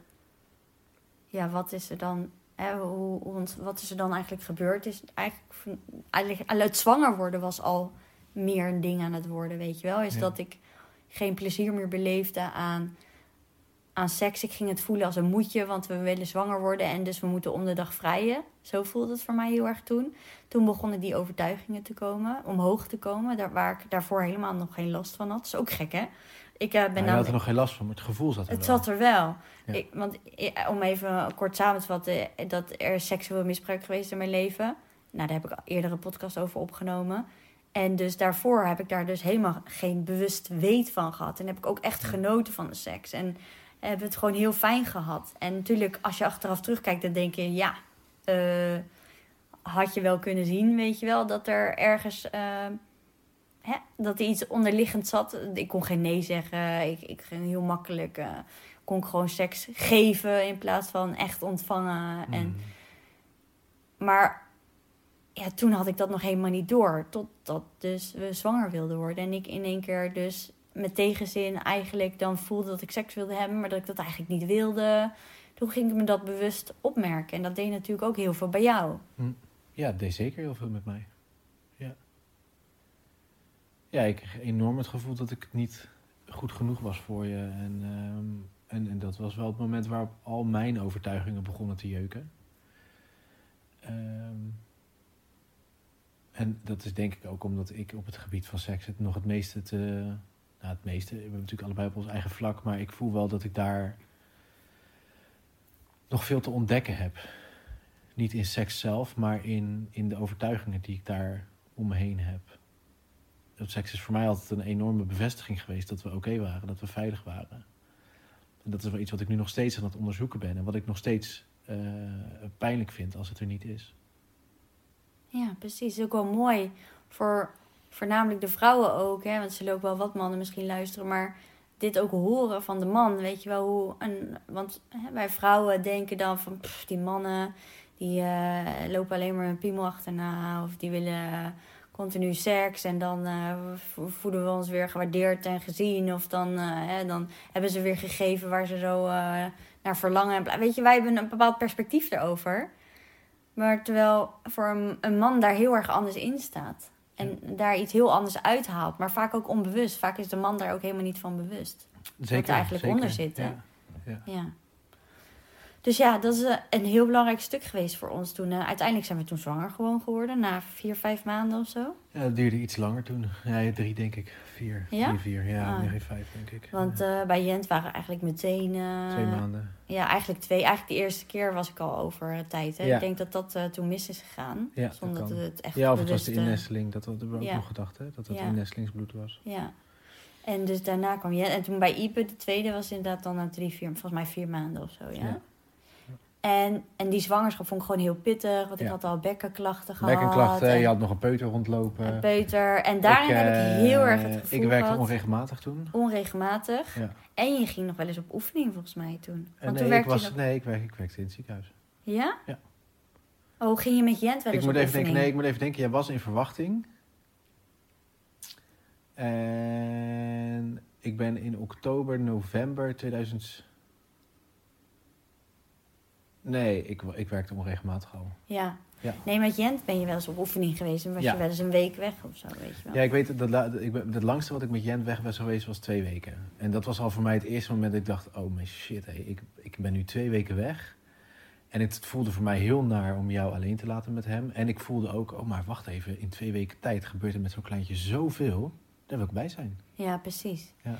En eh, inderdaad, ja. En toen heb je de overstap gemaakt vanuit eh, als mili- eh, wie was eh, verpleegkundige Ik was bij militair Defensie. verpleegkundige en toen ben ik op de, in het ziekenhuis gaan werken, in de buikchirurgie. Ja, Wel met als gevolg dat ik dus onregelmatig ging werken. En, en, en dat was het dus ook voor jou. Je had bekkenklachten, je had Jent. En, en een man die onregelmatig van huis weg. ja, plus je had ook nog een theatervoorstelling. En, Ja, ik, was, ik zat ook goed in de koping. Ja, Ik was ook echt druk aan alle kanten. ja. Ja. Dus je was voor mijn gevoel eh, vrij weinig thuis. Want dan ging je op woensdagavond theater. En dan was je zaterdag weer naar het theater. En dan tussendoor was je gewoon weer aan het werk. Ja. Dus ik had echt mega het gevoel dat ik er alleen voor stond. Het was ook mijn overtuiging toen. Ik, ik moet het alleen doen. En ik sta er alleen voor. En ik kon nog helemaal niet zo goed grens aangeven. En dan, weet je wel, dan zei ik half bakken, zei ik tegen jou, eh, ging ik een beetje uitvallen van, ja, ga je nou weer weg? Weet je wel, van die, van die lullige opmerkingen waar je helemaal niks mee kon, waardoor jij juist een schuldgevoel kreeg achteraf en helemaal niet zoveel plezier had in hetgeen wat je deed, hè, zei je. Terwijl ik ook niet heel duidelijk was in wat ik nou wel wilde, want ik wilde jou niet verplichten om thuis te blijven, want ik wilde jou het ook gunnen. Ik vond ook het gunnen nog steeds heel erg belangrijk. Maar ondertussen was ik mezelf helemaal. eh, ja, het is dat ik geen depressies krijg of zo in mijn leven. Ik weet niet, op een of andere manier ben ik daarvoor eh, veel te. Nou, ik weet niet Ik denk dat je ze wel krijgt, maar je gaat niet, ga niet zo diep. Bij de, bij de pakken neerzitten. Nee, dat is niet mijn mindset waarschijnlijk. Maar dus, ja, heb ik, ben ik daar zo over mijn grenzen heen gegaan. Als ik nu het achteraf terugkrijg, had ik ook gewoon ziek moeten melden op mijn werk, weet je wel. Ja. Ik ging ook gewoon doorwerken. En ondertussen liep ik gewoon helemaal over. En dat was het voor mij natuurlijk ook. Hè, want ik had, ik had ook verantwoordelijkheid op mijn werk. En ik had verantwoordelijk voor, voor, eh, voor, die, voor die musical waar ik toen in speelde. Dus ik voelde ook, en ik voelde me verantwoordelijk naar jou. Ik, ja, eigenlijk waren we onszelf compleet uit elkaar aan het trekken. Ja. Terwijl we gewoon mochten zeggen van, oké, wat zijn we nu aan het doen? Dat we Ja. even terug bij elkaar komen. Ja. En ja, nou goed, dat konden we nog niet. En dat konden we nog niet, nee. En dat hadden we te leren. Ja, precies. Dus, en zeker toen, ja, toen hebben wij zo'n bizarre bevalling. eh, of althans, ja, ik, die bevalling was eigenlijk heel easy peasy, lemon squeezy. Want het was gewoon lekker op zolder. Ik wilde heel graag thuis bevallen, want het was bij de eerste niet gelukt. Ja. Zat ik in een dikke, dikke weenstorm. Toen had ze mijn vliezen doorgebroken bij de eerste. En toen eh, wilde ik nog steeds niet naar het ziekenhuis eigenlijk. Maar ik viel gewoon heel, elke keer half oud. Omdat ik gewoon verrot was van, weet ik veel. Dit was toen je beviel van Jent? Dit is van Jent, ja. En bij Ibe dacht ik, gaan we anders doen? Dus, oh, dat was wel grappig. Toen gingen we hypnobirthing doen. Ja. Nou, dat was wel heel leuk, hè? We gingen samen ben- zo'n zwangerschapsdag eh, Ja, cursus doen. dat raad ik iedereen aan, want het is voor de vrouw heerlijk en ontspannen. En er is een hele vrije hypnose is er. En je luistert iedere avond naar heerlijke affirmaties terwijl je in slaap valt. Dus als man hoor je de hele avond lang... Ik kan mijn bekken ontspannen. Ik kan mijn placenta gemakkelijk loslaten. Ik kan mijn kind makkelijk uitdrijven. Ik kan ontspannen bevallen. En dat dan tien minuten lang. En ik dacht, iedere avond dacht ik weer, jeetje, wat doe ik hier? Maar toen begon het een beetje. En dan had ik dus. eerst een half uur lang je perineum gemasseerd. Dat was ook super opwindend. Oh, nul. En dan, dan gingen we daarna naar die affirmaties luisteren. Ja, want wij deden zo'n perineummassage, ja. Want ik wilde niet uitscheuren. Dat deden we ook bij de eerste. Maar ik vond het echt verschrikkelijk als je dat deed. Maar ik wilde het ook niet zelf doen. En ja. Eigenlijk had ik gewoon moeten zeggen, ja, doe het zelf maar. Ja. Maar goed. Nou, je hebt mij er ook al heel erg mee geholpen. Ja, Ja. het heeft je misschien wel tien hechtingen gescheeld. Je hebt Misschien geen idee. wel. Je hebt Ja, ik heb geen idee. Nee. Maar, en toen inderdaad grappig, ja, dat die affirmaties en zo. Maar toen leerden we wel met affirmaties. Want ik had er wel een NLP-cursus Ja. gedaan, daarvoor Ja, je had die basis had je gedaan. Ja, hè? die heb Iets ik- met ratten toch, of zo ging dat? Hoe herken ik een rat? Was dat niet dat? Weet ik veel. Wat? Ja, dat heb je ook iets... Ja, misschien, nou, misschien ben Ja. ik in de war. Dat is ook iets van NLP wat je had Oh, gedaan. oké. volgens Nou ja, dus dat had ik al wel gedaan. Dus iets- ik was al bezig met mijn persoonlijke ontwikkeling. Want daar was ik heel erg mee bezig op mijn werk en zo. Dus op werkgebied was ik al heel erg aan het spiegelen naar mezelf. En aan het kijken, oké, hoe kan ik hier verantwoordelijkheid voor nemen? En hoe kan ik mijn gevoel delen naar de directeur? En daar was ik al heel erg mee bezig. En toen, dat proces op mijn werk heeft natuurlijk heel erg bijgedragen ook aan ons proces thuis. En toen ging ik die hypnobirthing doen. Toen kwamen die affirmaties. Dus toen ging ik in één keer leren wat affirmeren is. En toen werden we echt... Ik voelde ook alsof ik gehersenspoeld werd door die, die, die... Ik zei ook al lekker. Gewoon al die affirmaties. En, maar dat heeft me echt volgens mij heel erg geholpen. Want daardoor kon ik vet goed ontspannen. Ja, had binnen, wat was het, twee persweeën was er? Ja. En eh, na drie uurtjes... eh, nou, niet eens Je was ook helemaal in vertrouwen. Want ik, het begon, het begon om, om drie uur volgens mij voor jou. Ja, En je had mij om kwart over vier wakker gemaakt ook. ja. Dus je En was ook ontspannen. was er en je gewoon dacht ook begonnen- ja. En, eh, en ik voelde ook... Ik had superveel ontsluiting. Waarin ik bij de eerste alleen maar gespannen en... eh, Ja, weerstand. weerstand ja, en, eh. En nu eh, was ik ook niet zo achterlijk aan het ademen. Want ik had bij de eerste mensen die ik gedaan. En, en dat ging alleen maar over, eh, weet ik veel, standjes en whatever. Wat sloeg eigenlijk helemaal nergens op. Sorry als je daar iets in doet. Maar ja, ik vond het echt... Weet je, je leert helemaal niet hoe, hoe je eigenlijk mag ontspannen en vertrouwen op je eigen lijf. En daar gaat het uiteindelijk om. Ja. En, eh, want ja, je lichaam weet gewoon wat hij moet doen. Ja. En dat bleek ook bij die tweede. Ja.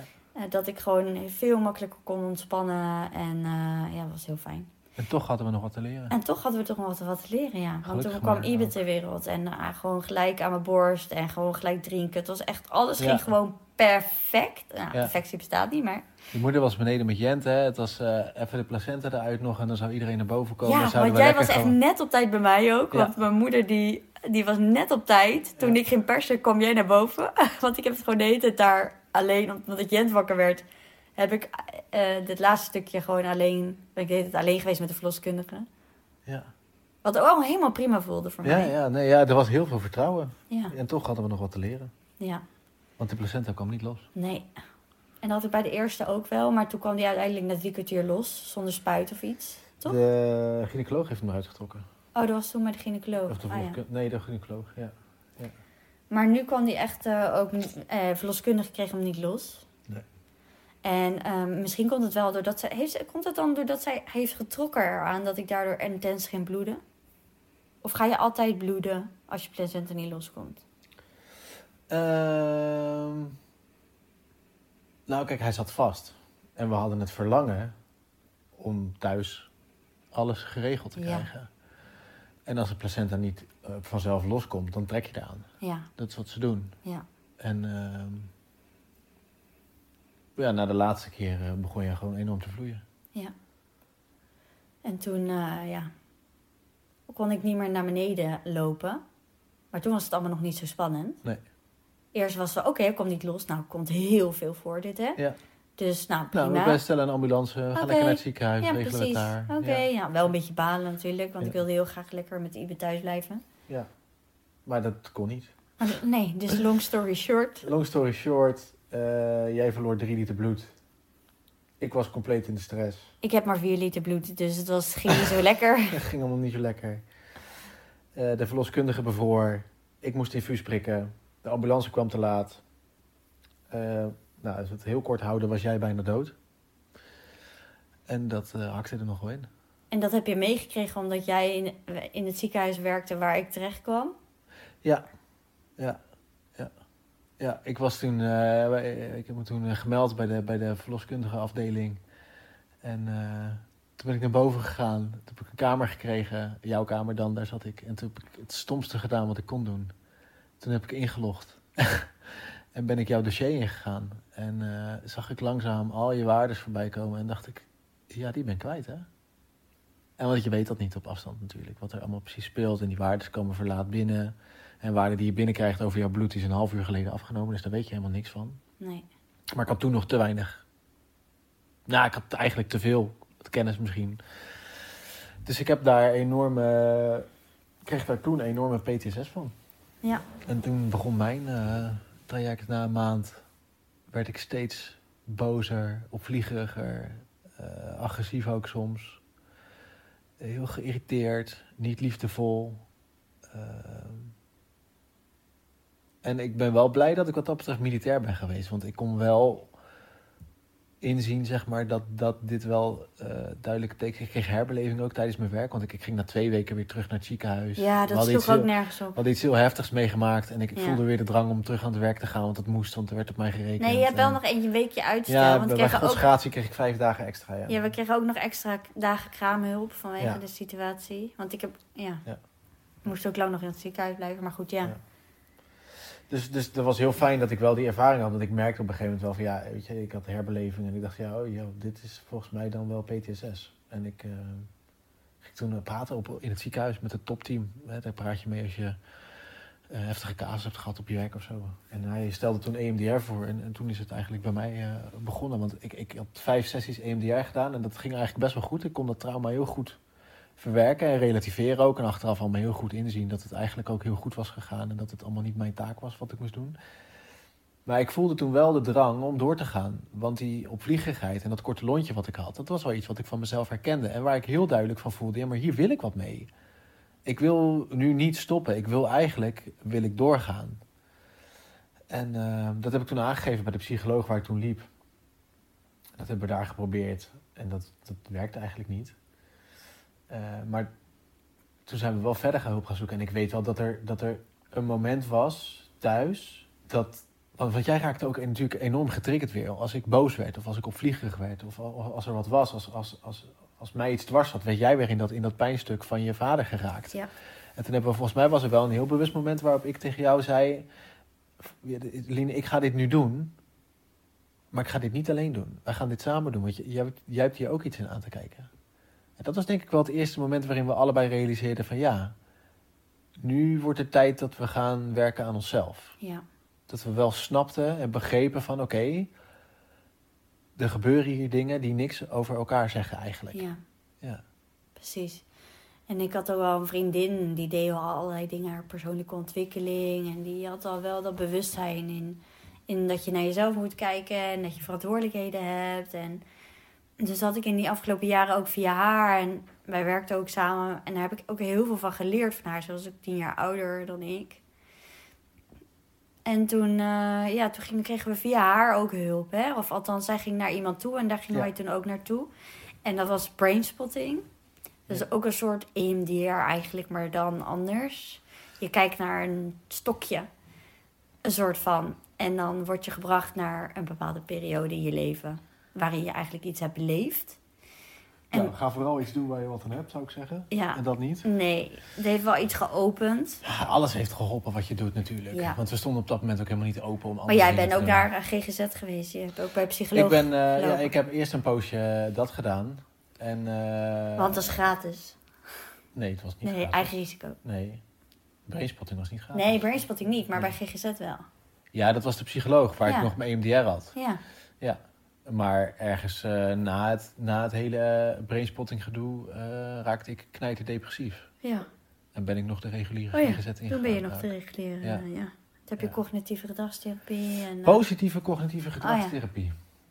En ehm, ja, dat kan ik wel iedereen aanraden. ja. Helemaal als je niet zo diep zit. ja, maar Dat, dat, is lekker. maar dat doe ik ook in mijn bewust naar rustcursus. Ja, maar ja, oké, ja, dat is Want natuurlijk daar- focus op het ik- positieve. Maar ik denk voor mensen die naar de GGZ gaan en je zit nog niet te diep Nee, en je komt in een groep, ja. ja, ik dacht wel, wow, iedereen heeft het hier echt zoveel slechter dan ik. Oh. En dat was wel fijn om te zien. Ja, dat was wel maar dat maakte, maakte ook wel dat ik daar heel graag weg wilde. Dat het, niet, dat het niet aansloeg voor me.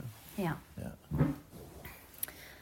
Ja, en nou heel snel merkte je op dat je daar niet de hulp kreeg die waar je wel naar verlangde. En toen op een Ja. gegeven moment ging ik een opleiding doen, volgens mij, de work ging ik toen doen, Ja. al heel snel. Ja, Een coachingsopleiding. En vanuit daar kreeg ik ook hulp bij haar en eh één op één ja want jij ging natuurlijk ook je eigen traject in. Ja, precies. Ja, ja. En toen ging jij ook Toen ben ik daar ook geweest. naar haar toe. En zo begon eigenlijk is dat overal waar jij toe ging. Want ik ben ook naar jou, jouw E EMDR-psycholoog geweest. Ja, en naar mijn, Daar ben ik ook gaan eh, EMDR'en. En naar mijn hypnotherapeut. Ik ben ook naar jouw hypnotherapeut geweest. En jij bent naar mijn eh de work-therapeut geweest. Ja. en toen... En nu naar jouw theta. eh, Nu ga je ook naar mijn theta en eh, wat heb je, ja, maar we volgen elkaar elke keer op en alle therapeuten Ja. die, dus eigenlijk, en wij zijn ook zo'n open boek, dus we zeggen ook tegen alle therapeuten, je mag het gewoon over ons hebben, zou ik Ja. zeggen. Nou, dat werkt ook het lekkerste. hè? Dat werkt ook het lekkerste, Ja. dat je gewoon helemaal open eh, kan zijn naar elkaar. En ik denk dat dat ook onze kracht is, onze communicatie is. We zijn gewoon heel open in alles. Ja, en dat zei ik vanmiddag Geen ook. Want geheimen. die collega van mij, waar ik vanmiddag mee aan het wandelen was, die vertelde een vergelijkbaar verhaal waarin hij al, een vriend van hem al vijf jaar op zolder woont. Eh, of in ieder geval slaapt. En zijn zijn partner die, die wil geen seks meer. Die wil eigenlijk niet bij hem zijn. En die is echt heel veel afstand. En het grootste verschil wat ik eh, opmerkte is dat, dat wij kunnen praten en kunnen inzien en bereid zijn om stukken aan te kijken. Ja. Het grootste verschil. Is dat het grootste verschil? Eh, het, het, het- nou, de, hoe zeg je dat? Het, verschil met de meeste impact. Ja, precies. Ja, Ja, ja. en dat en we, Er zijn heel veel verschillen, maar ik bedoel Ja. meer van het verschil in het, in het, het positieve het. verschil. Ja. Ja. Dus, ja. Maar en wij wijzen niet de hele tijd naar elkaar. Hè? Dus wij Nee. zijn heel erg bereid om verantwoordelijkheid te nemen voor onszelf. Ja. En te kijken naar onszelf. En elke keer weer terug te keren naar, naar je eigen lijf, naar het hier en nu. En vanuit daar weer elke keer opnieuw bereid zijn om je hart te openen. En om je weer over te willen geven aan de ander. Om weer echt elkaar in de ogen aan te kijken. Om eh, bereid te zijn elkaar weer echt te gaan zien. Niet vanuit je rugzak, maar vanuit je hart. En dat elke keer weer opnieuw en opnieuw en opnieuw en opnieuw en opnieuw en opnieuw, opnieuw, opnieuw, opnieuw, opnieuw, opnieuw, opnieuw, opnieuw. Ja. En dat maakt ook verbinding. En dat zo creëer je een, een onvoorwaardelijke relatie samen. Door daarmee te oefenen, keer op keer op keer op keer. En alles wat daarin in de weg zit, om je hart te openen. Om dat te onderzoeken en te zien van jezelf. Zodat je niet weer gaat projecteren op elkaar. Zodat je niet weer je gaat terugtrekken. Zodat je niet weer ehm, gaat wijzen of eh, nou, dat projecteren. Of eh, in je bescherming gaat zitten door op je telefoon te scrollen. Of eh, door, natuurlijk doen we dat ook. Hè? We merken het ook op als we het doen. Dan zeggen we ook, ja, ik zit weer veel te veel op mijn telefoon. Ik ben weer wat aan het wegduwen. Ik zit weer in mijn beschermingsmechanisme. Maar dan daarna weer zien is dat je in je bescherming zit. En vanuit daar weer toch kiezen om terug te keren naar een gesprek. Naar luisteren naar elkaar. Naar aangeven waar je behoefte aan hebt. Eh, en vanuit daar weer de rust vinden in jezelf. En dus ook zo weer de liefde vinden in je relatie. Ja, ik denk dat maakt onze relatie heel verbindend. En niet dat er nooit meer shit is. Of dat we nooit meer uit elkaar vliegen. Of Nou, uit elkaar... eerlijk, eerlijk ik, ik vind dit echt een heel zwaar proces. Ook. Ja, Ja. ja jij, jij hebt daar iets meer moeite Ja. mee dan ik. Ja. Ik ben er ook heel dankbaar voor. Ja. Echt intens, want ik merk ook aan alles dat de liefde die we voor elkaar voelen zo enorm is veranderd. Ten goede.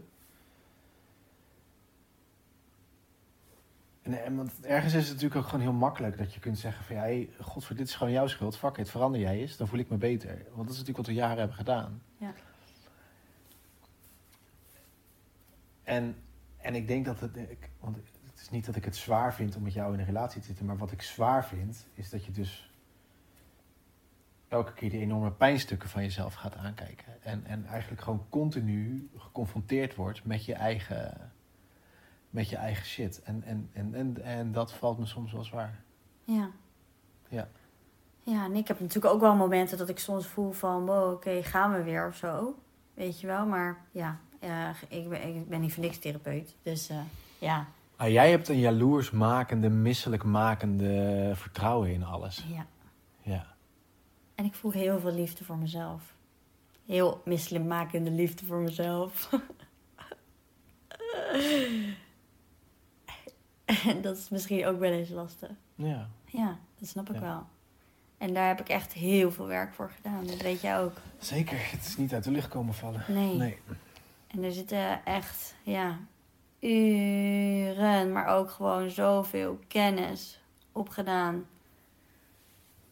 Hè, zo, je weet hoe ik daarin ben geweest en nog steeds kan zijn. Hmm. Ja. En dat is dus ook een expertise geworden. Maar ook voor ons is dat weer belangrijk elke keer. Want om weer terug te gaan naar vrouw en man zijn, weet je wel. En waarin ik dus op een gegeven moment, doordat ik zoveel kennis kreeg, jou continu wilde helpen. Ja.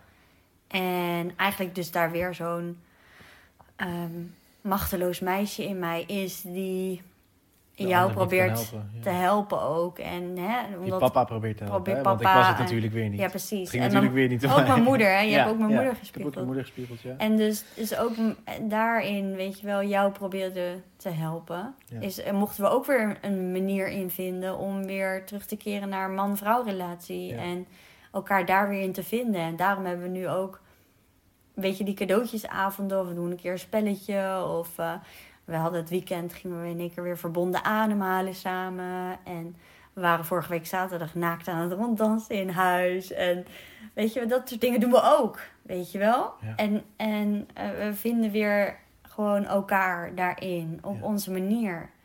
En als je nu denkt aan naakt ronddansen, ja.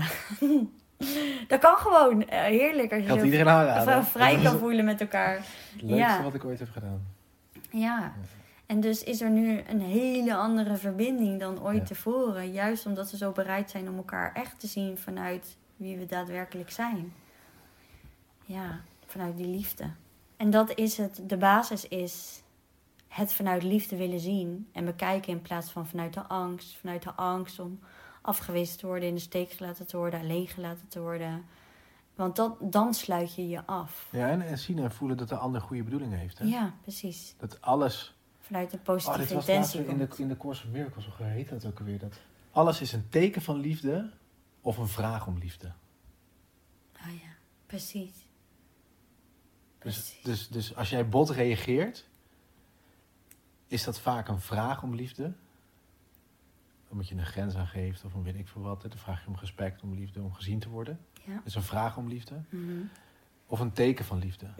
dat iemand iets met een goede bedoeling doet, wat, wat bij jou verkeerd valt. Ik noem maar wat, ze smeren je boterham en er zit kaas op in plaats van worst. Dan kun je boos om worden, maar het was een teken van liefde. Ja, mooi. Dus alles is of een teken om liefde of een vraag om liefde. ja, En, en ik denk als je dat kan zien, dat het echt al zoveel scheelt. zeker mooi. En wat je jezelf ook altijd kunt afvragen is... Wat heb ik vroeger heel erg gemist? En probeer ik nu hier te ontvangen of te krijgen of te doen? Ja, en ga dan maar even zitten hoor. Ja, dan ben je wel even bezig. Nou, maar ook, ook als, je dat, als je dat beseft. Want er valt natuurlijk ook, en, eh, er valt ook een doek. De hele illusie die je, die je jaren in stand hebt gehouden, die valt weg. Ja, En ik heb wel heel erg geworsteld met, maar oké, maar wat is er dan? Wat is het dan nu? Ja alsof er niks meer is. Als die identiteit... De waarheid, relatie- de waarheid die ik geloofde terwijl ik met jou in een relatie zat, was niet de waarheid. Nee, klopt. Dat was het patroon waar we in zaten en, en de illusie die we in stand probeerden te houden door dingen te vervullen bij elkaar. Mhm. En dat viel weg. En, en toen dacht ik, ja, en nu dan? Wat is er dan nu? dan? En daar heb ik echt, daar heb ik echt heel veel angst en paniek om ervaren. Dat ik dacht, oké, maar dan is het dus klaar, blijkbaar. Ja, we hebben ook heel vaak hè, op het punt gestaan om... Hè, we hebben echt gesprekken gehad van... Ja, zouden we moeten stoppen? Ja, Is het misschien nu afgelopen? Moeten we nu eh, er een einde, eh, even een punt achter zetten? En eh, vooral jij hebt het wat regelmatiger geroepen. ja, ik, ja. En, en, en dit is, de, dit, vergis me niet, vergis je niet, want dit is ook, ook wel wat ik leer, wat mannen graag doen. Dus ik denk dat het ook fijn is om te horen dat een hoop mannen,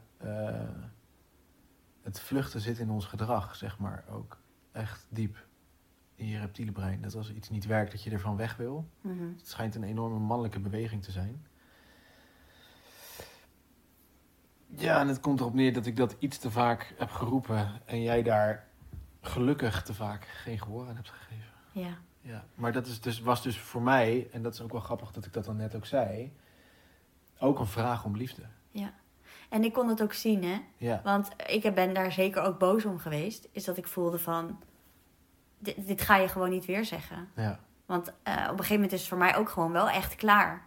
Want ik wil dat je helemaal voor me gaat. Dat heb ik Mhm. wel eens gezegd. Want of je gaat voor me, of niet. Ja. Maar zo zwart-wit werkt het leven natuurlijk helemaal niet. Nee. En hetgeen wat jij ook dan zei op dat moment als je boos was of whatever... was natuurlijk helemaal niet vanuit je hart. Het was allemaal vanuit je hoofd. Tuurlijk. Ja. En ja, nu kan ik het onderscheid natuurlijk ja, echt heel duidelijk voelen en zien. En dus kan ik eerder compassie voor je voelen als je zoiets ervaart, dan dat ik erin meebeweeg. Of dat Ja. ik er dan of tegen verzet. Of dat ik er dan iets van vind. Ja. Dan heb ik eerder zoiets als liefie, weet je wel, kut. Ja. Ja. Ja, en dat helpt mij ook om minder te wijzen. Omdat, Ja. eh, en want, want dat merk ik ook weer. Als, er, als je gevoel oordeelvrij ontvangen kan worden door de ander, dan valt het zo snel van je af ook. Ja. Want dan kun je het uitspreken en dan krijgt het. eh, Het wordt ook niet gevoed. nee, precies. Het wordt niet gevoed en, en, en, en er is ruimte voor. En als er ruimte ontstaat, dan, dan ontstaat er ook ruimte. Ja, dan is er ruimte. ja dan is ja. er ruimte. Ja. Ja. En als er ruimte is, kan de weerstand weg. Ja. En dan is het in acceptatie. En dus verdwijnt ook de emotie weer. Hè? Ja. Want dat is wat er is. Als je elkaar triggert of als er iets is in een relatie. Het enige wat het probleem veroorzaakt is die weerstand. En als jij gewoon de emotie er kan laten zijn. En als een golf meebeweegt op die emotie. Weet je, meesurft als het ware op die emotie. Hey, ik had dit gisteren nog. dan hè? is die Toch? gewoon na anderhalve minuut weer weg. Ja. Soms Ik zat gisteren nog hier voor de kachel eh, met jou naast me en ik was heel verdrietig. Eh, want ik was geraakt door, weet ik veel wat. Iets wat me niet lukte. En dan komen de andere negatieve gedachten bij en dan voel ik me heel verloren en heel kut. En jij kon dat, dat liefdevol ontvangen naast mij en ik kon dat liefdevol doorleven. Dus ik heb echt even vijf minuten echt even echt gehuild. En daarna was de lucht geklaard. Ja. Jij was niet geraakt, ik had het kunnen uiten en, en, en er was ruimte voor. En het hoefde niet meer vastgehouden te worden. Of, eh, En dat is denk ik toch wel heel vet. Ja, en dus ook dus dat je elkaar niet wil veranderen. Ja, Want wat wij vrouwen misschien ook wel heel goed kunnen is dan gaan praten. ja, En dan er van alles willen oplossen. Ja. Of eh, verantwoordelijkheid willen nemen ervoor. Of eh, iets willen veranderen of willen helpen. Maar dat werkt juist vaak averechts in een relatie. ja. En dus het enige wat je eigenlijk juist kan en mag doen is luisteren naar elkaar. En dat hè? geef ik ook altijd mee in mijn trajecten aan mensen. Is dus als ze dingen hebben met hun relatie, dat ze dus even 10 minuten naar elkaar gaan luisteren. En dus even een timertje zetten. En dus daarna er ook niet op ingaan. Maar gewoon eh eventjes na die 10 minuten, bijvoorbeeld eh, twee minuten gaan plassen, thee pakken, whatever wat je wil. eh, en dat, dat je daarna weer terugkomt. Dat die ander daarna 10 minuten gaat praten. Niet dan erop ingaat, maar gewoon over zijn eigen gevoel gaat praten. En dat is vooral heel erg belangrijk. Wat, wat voel je? En waar voel je dat? Wat doet het dan met jou? Ja, precies. En wat roept dat op? Ja. En, en het gaat er niet om het verhaal wat er dus in je hoofd zit, maar wat eigenlijk daadwerkelijk in je lichaam afspeelt. En dat is meteen wel een mooi bruggetje naar de retraite of de live dag of de workshop die we gaan geven. We weten niet zo goed de We naam, zijn er maar het niet is, helemaal over uit. het, gaat, Nee. het is in ieder geval Het wordt ontpop, in ieder geval een mooie dag. ontpop jezelf, is, eh, is in ieder geval de naam van de dag. En waarin we dus samen eh, aan, met een thema aan de slag gaan. Ja, en voor de duidelijk, de inhoud staat, hè? Ja, Als een huis. Ik denk dat het echt een hele toffe dag wordt. ja. Het is wel grappig dat je dan eigenlijk al heel veel weet over de inhoud, maar dan niet zo goed nog weet welke naam je daar moet geven. Nee, en, en, we hebben... Kijk, het thema kan nog een beetje wijzigen. Dat hangt nog af van de groep. Want ik ga intunen op de groep. Maar eh, we hebben al wel een heel duidelijk beeld van hoe we de dag gaan inkleden. Ja. En eh, hoe we dat gaan vormgeven. En hoe dit een heel helend en transformatieve dag kan gaan zijn en worden. Waarin je dus een stuk lichter... eh, of meer ontspanning, of vanuit meer rust in je hoofd, of meer ehm, Ja, waar je Ja. ook echt wat aan hebt, hè? Dus Ja. waar, je, waar je of... naar huis toe Je gaat gaat. of naar huis met, met een bak inzichten, of, of, of met een rugzak die wat leger is. Ja, precies. Het is maar net eh, waar, waarvoor je er komt. Ja, en wat je tegenkomt ook. en wat je ook- tegenkomt. ja. Ja. Dus deze dag, die, eh, als, je ergens wil voel, als je ergens voelt van wow, ik, ik wil ook meer contact maken met mijn hart, met mijn lichaam, met mijn gevoel. Echt weer in mijn lijf komen, uit dat hoofd, uit die onrust, uit al die gedachten, uit de verhalen. En terugkeren naar Je lijf. je lijf. En, Ja. en dus alles wat jou belemmert om hart, in hè? jouw hart te zitten en je hart te kunnen openen. Dat even aan te kijken op zo'n dag. En even echt tijd te hebben voor jezelf. Even ruimte te maken voor jezelf. En jezelf te gaan zien. Jezelf serieus te nemen. En ja, zo'n dag jezelf dus te gunnen. Juist wanneer je dus heel vaak zo'n dag niet jezelf gunt. Weet je, kijk er dan even naar. Het kan, eh, je kan dit vinden op Hipsy. We zullen we even Ja. een link in show notes Ja. zetten. Want ik weet niet wat, eh, wat staat er achter Hipsy. Slash Lean-streepje forward. lean-streepje forward. Oh, Natuurlijk. Nou, dat is helemaal niet, is niet moeilijk. Ja. En ehm, dus daar kan je ons vinden, de, de dag. Laat ik het ook maar even zo noemen. ja. En ehm, het is 6 april, de eerste.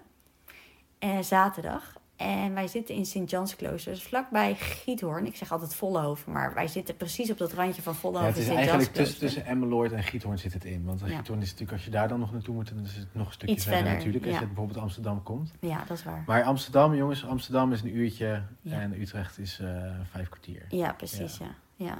En je kan hier gewoon gratis parkeren. Ehm, ja, we gaan deze dag gewoon mooi eh, vormgeven voor jullie, voor jou. Dus we kijken er heel erg naar uit. Ja. En je Nou. gaat dus of gegarandeerd naar huis met inzichten, Ja, of met een rugzak die wat leger is. ja dat Maar gegarandeerd met een bak liefde. Sowieso met bakliefde. Want we gaan heel mooi verbinden met elkaar. Ja. Of mocht je meer voelen juist van ik wil eh, in een één op één traject vind ik veel fijner en veiliger. Daar zitten dus waarschijnlijk dan overtuigingen voor dat je in een groep verschijnt. Het kan. Dan kun je me ook eh, benaderen. Sowieso hoor, sta ik hier open voor. Kun je me benaderen op www.lean-voor.nl. Dan kan je gratis gesprek aanvragen. En Rens die doet ademsessies. Dus Ja, dus mocht je zeggen nou, ik vind dat ademen in een groep helemaal niks. Stuur mij lekker een beetje. Dan eh, ben je hier hartstikke welkom. Ehm, al moet ik ook wel eh, eerlijk zeggen dat een hoop mensen ervaren dat het juist fijner is in een groepsessie. Oh ja. Ja, omdat ze dan dus niet de volle focus hebben en omdat het net even iets makkelijker is. Het is net gemoedelijker en je vaart eigenlijk mee eh, in zo'n ademsessie op de energie Van de groep. van de groep. Ja, dat klopt ja. En het is eigenlijk eh, eh, ook dus een hele laagdrempelige en fijne manier om kennis te maken met het ademwerk. En, Want dat je- zit dus ook in de dag. Ja, we gaan zeker lekker, lekker een potje ademen. Ja. En, ehm, en, en mocht je dus ervaring hebben met ademwerk, dan, dan is het juist een hele fijne manier om weer even die verbinding op te zoeken die je dus als het goed is al gewend bent. En eh, daarin vind ik het wel fijn om nog even te benadrukken dat, dat wij er echt voor pleiten dat iedereen zich gezien, gedragen en veilig voelt. Ja, heel veel mensen weten niet eens wat ademwerk is. Nee. Eh, en dat is oké, dus kom dan vooral kennis maken, dat mag. Eh, maar weet dat ik er ben, dat Jolien er is en dat er nog twee collega's van mij zullen zijn. Eh, om die ademsessie te begeleiden, zodat iedereen zich ook echt daadwerkelijk veilig voelt om door bepaalde stukken heen te gaan. Eh, want ik ken genoeg cirkels waar mensen eh, alleen liggen, waar, waar er één begeleider is op twintig man. Ja, en, en dan, als je dan verloren raakt in je eigen proces, dan is het hek van de dam. Ja, want wij hebben vier begeleiders op 12 max Ja, personen. precies. hè? Ja. Ja. Dus dat, eh, helder. dus, nou ja, weet dat je in goede handen bent die dag in ieder geval. Ja.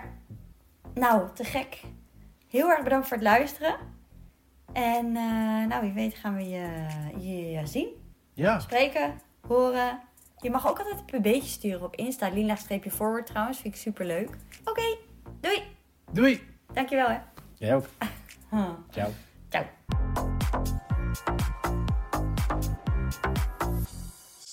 Dat je geluisterd hebt naar deze Lean Forward podcast. Mocht je voelen, ja, te gekke podcast, hier heb ik echt wat aan. Dit inspireert me.